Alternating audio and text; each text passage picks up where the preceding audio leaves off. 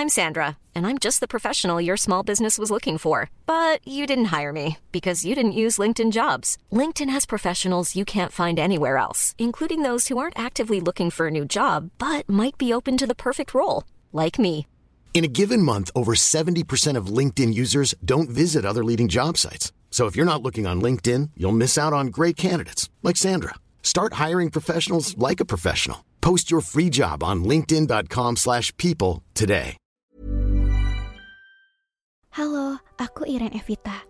Terima kasih sudah mengunjungi dan hendak mendengarkan podcast Dongeng Tidur.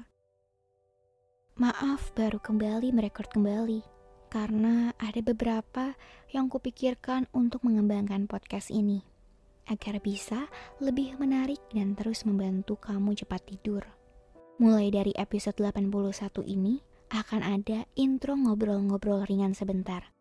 Lebih tepatnya, aku curhat terus nanya balik ke kamu. Kamu bisa menjawabnya di kolom komen atau reply Q&A. Aku selalu membaca message atau pesan dari kamu. Cuma emang belum ada fitur untuk aku replyin komen kalian. Setelah intro itu, akan dilanjutkan dongeng seperti biasa dan di tiap bagian tertentu akan ada special sound effect untuk meningkatkan experience kamu. Seperti ini nih. Katanya 2023 bakal jadi tahun yang baik. Tapi jujur, yang aku alami dan rasakan itu kebalikannya. Awalnya, aku udah berharap saat Januari 2023 itu aku mimpi naga. Katanya sih artinya kedatangan rezeki. Tapi malah kekecewaan yang datang di Februari 2023. Tidak seburuk yang sangat buruk sih, namun itu salah satu hal yang tidak ku ekspektasikan akan terjadi. Aku terkena layoff atau di PHK. Jujur, kesal. Tapi aku harus menerimanya karena waktu dan hidup tidak menunggu aku. Time and life always goes on. Awalnya aku berpikir keras dan mencari dengan rajin apa yang harus dilakukan ke depannya dan mau kerja apa. Saat itu, seseorang memberitahu bahwa ada baiknya aku membiarkan diriku terlepas dan jauh dari kejadian itu setidaknya selama tiga hari.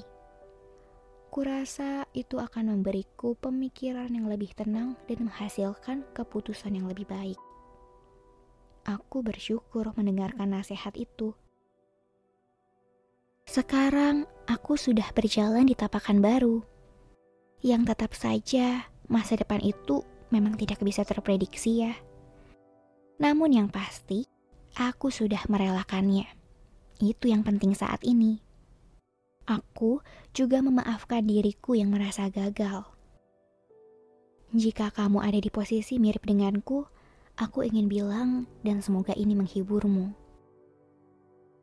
Gak apa-apa ya, semua akan segera baik-baik saja. Relakanlah dan maafkanlah dirimu. Maka itu, malam ini aku memilih dongeng Putri Tandam Palik, cerita dari Sulawesi Selatan yang mengajarkan ketabahan menerima situasinya dan memaafkan. Semoga lekas tidur dan bermimpi indah.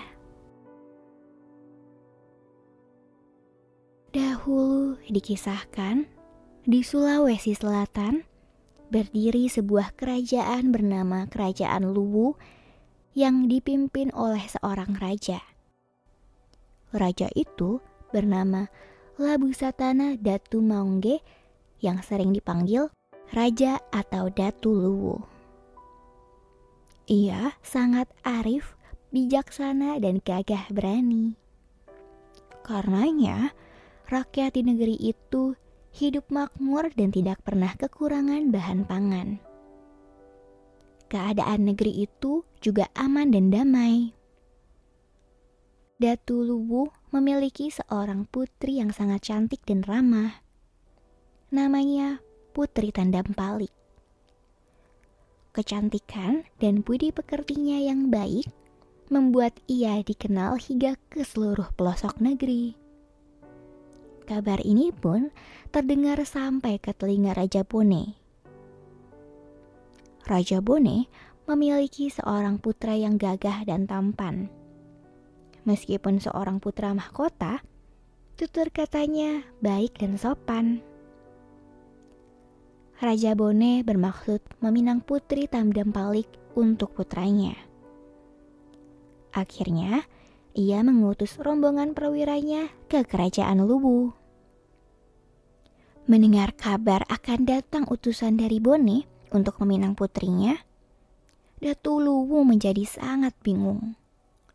Setiap hari ia gelisah memikirkan pinangan itu. Karena menurut adat Luwu, seorang putri dari Luwu tidak boleh menikah dengan lelaki di luar sukunya. Tapi, jika Datu Luwu menolak pinangan tersebut, pasti akan terjadi peperangan yang dapat berdampak buruk bagi rakyatnya. Baiklah, aku akan menerima pinangan itu. Biar aku saja yang dikutuk oleh dewa, asalkan rakyatku tidak menderita. Ucapnya dalam hati. Beberapa hari kemudian, datanglah utusan dari kerajaan Bone untuk meminang putri Tandam Palik. Mereka datang dengan sangat sopan dan ramah. Tidak ada rombongan prajurit yang datang ataupun armada perang seperti yang diperkirakan Datu Luwu.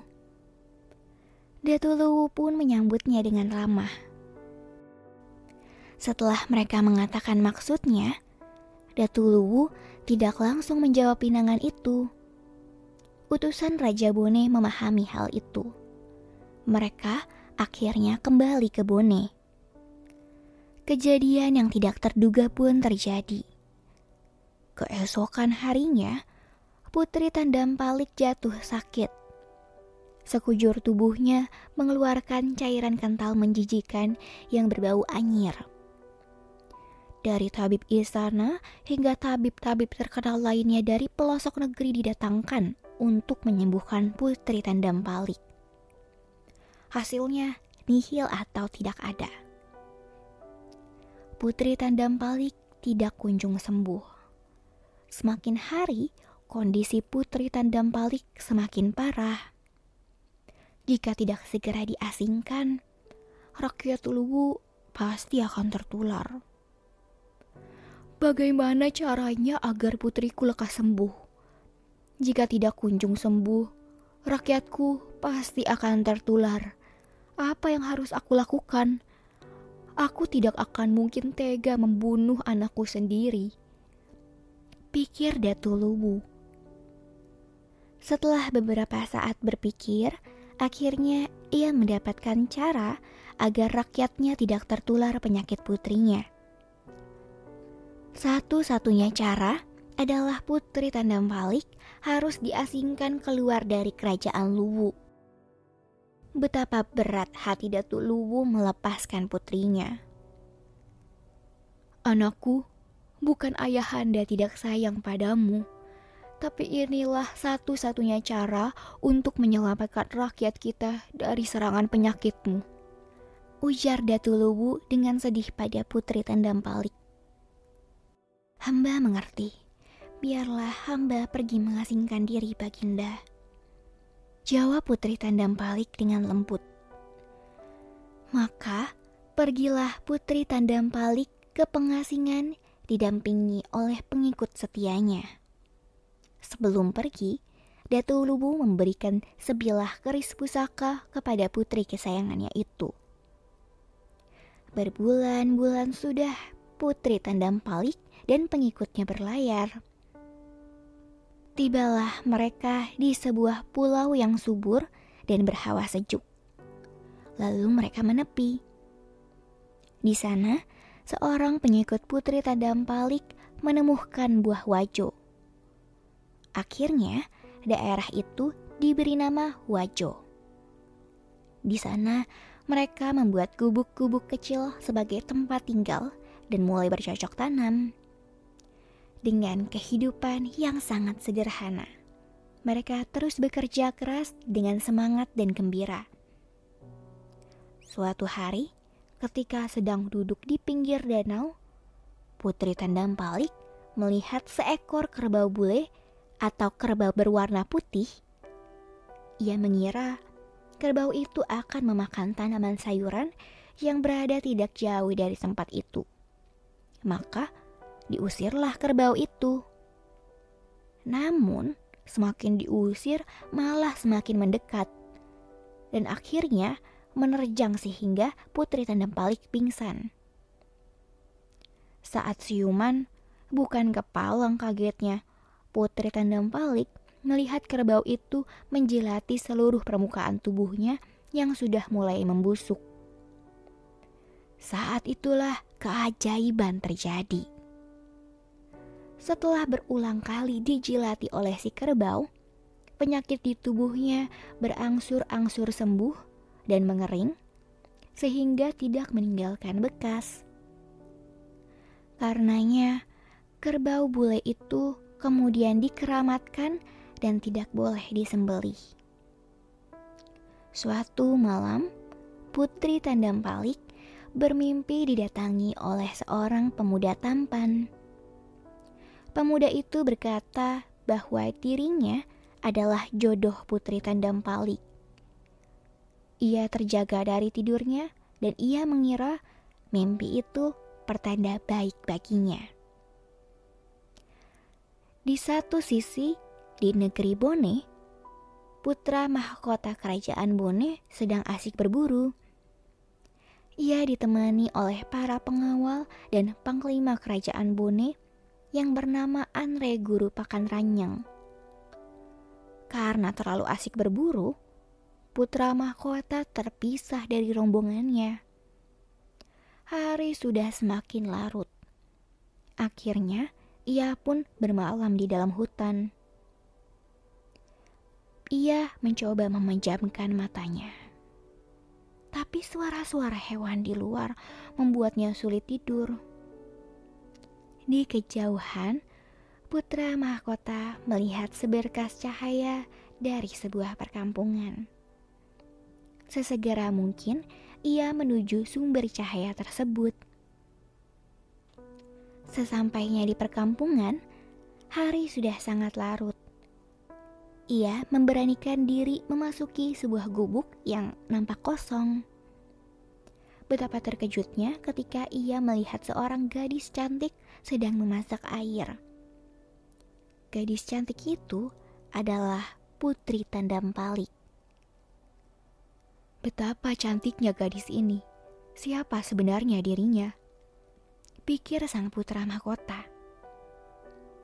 Merasa ada yang mengawasi, Putri Tandam Palik pun menoleh ke belakang.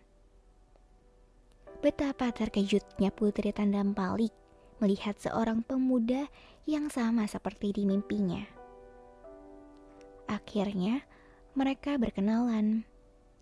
Melihat tutur kata pangeran yang lembut dan sopan, membuat Putri Tandam Palik kagum dan tertarik. Begitupun dengan kelembutan Putri Tandam Palik membuat putra mahkota jatuh hati. Pagi harinya, Panglima Perang Kerajaan Bone, Anre Guru Pakan Ranyang, beserta para pengawal putra mahkota yang merasa kehilangan tuannya sangat lega saat bisa menemukan putra mahkota di desa tersebut. Putra mahkota harus kembali ke kerajaan. Sejak berpisah dengan putri tendam palik, hatinya sangat gundah. Ia sungguh merindukan putri tandam palik. Ingin rasanya ia tinggal di desa Wajo dan hidup bersama putri tandam palik. Andre, guru pakan ranyeng, memperhatikan gelagat putra mahkota tak seperti biasanya. Kemudian, ia menceritakan kejadian di desa Wajo pada Raja Bune. Dari gelagat yang saya lihat, tampaknya putra mahkota sedang jatuh hati. Menurut usul hamba, sebaiknya putra mahkota dinikahkan saja dengan gadis itu. Baginda, ternyata setelah diselidiki, gadis itu adalah putri tandem palik. Usul Andra Guru Pakar Ranyang kepada Raja Bone Raja Bone menyetujui usul panglima perangnya. Lalu, dikirimlah utusan ke desa Wajo untuk meminang Putri Tandam Palik. Setibanya utusan itu ke gubuk Putri Tandam Palik, pinangan itu tak segera dijawab. Ia hanya menyerahkan keris pusaka kerajaan Luwu pemberian ayahandanya dulu kepada utusan tersebut. Putri Tandam Palik berpesan agar keris itu dibawa ke kerajaan Luwu. Jika keris itu diterima dengan baik oleh Datu Luwu, maka ia akan menerima pinangan putra mahkota. Mengetahui hal tersebut, putra mahkota segera menuju ke kerajaan Luwu. Ia pergi sendiri tanpa dikawal seorang prajurit pun. Dengan semangat, ia menempuh perjalanan yang cukup jauh selama beberapa hari. Setibanya di kerajaan Luwu, ia menceritakan pertemuannya dengan Putri Tandam Palik. Lalu, ia menyerahkan keris pusaka yang dititipkan oleh Putri Tandam Palik kepada Datu Luwu. Datu Luwu dan Permaisuri sangat bahagia mendengar kabar tersebut. Dengan senang hati, Datu Luwu menerima keris dari putra mahkota. Akhirnya, Pergilah Datu Lubuh dan Permaisuri bersama pengawal istana ke desa Wajo. Betapa bahagianya mereka saat bertemu kembali dengan putri tercinta yang sudah berpisah dalam waktu yang sangat lama. Maafkan ayahanda nak, ayahandamu telah mengasingkanmu dalam waktu yang cukup lama. Ucap Datu Luwu. Tidak ada yang perlu dimaafkan ayahanda. Ananda justru bahagia karena dapat menyelamatkan rakyat Luwu dari penyakit menular. Jawab Putri Tandam Palik. Ketabahan dan kebaikan hati Putri Tandam Palik pun tersebar ke seluruh pelosok negeri. Semua orang menghormati sifatnya. Keesokan harinya, digelarlah pesta pernikahan Putri Tandam Palik dengan putra mahkota kerajaan Bune di desa Wajo. Mereka terlihat sangat serasi. Semua orang mendoakan mereka. Beberapa tahun kemudian, putra mahkota kerajaan Bone naik tahta. Ia pun menjadi Raja Bone yang arif dan bijaksana menggantikan ayahandanya. Ia ditemani oleh istrinya Putri Tendam Palik yang menjadi Ratu Bone yang terkenal akan kepribadian baiknya.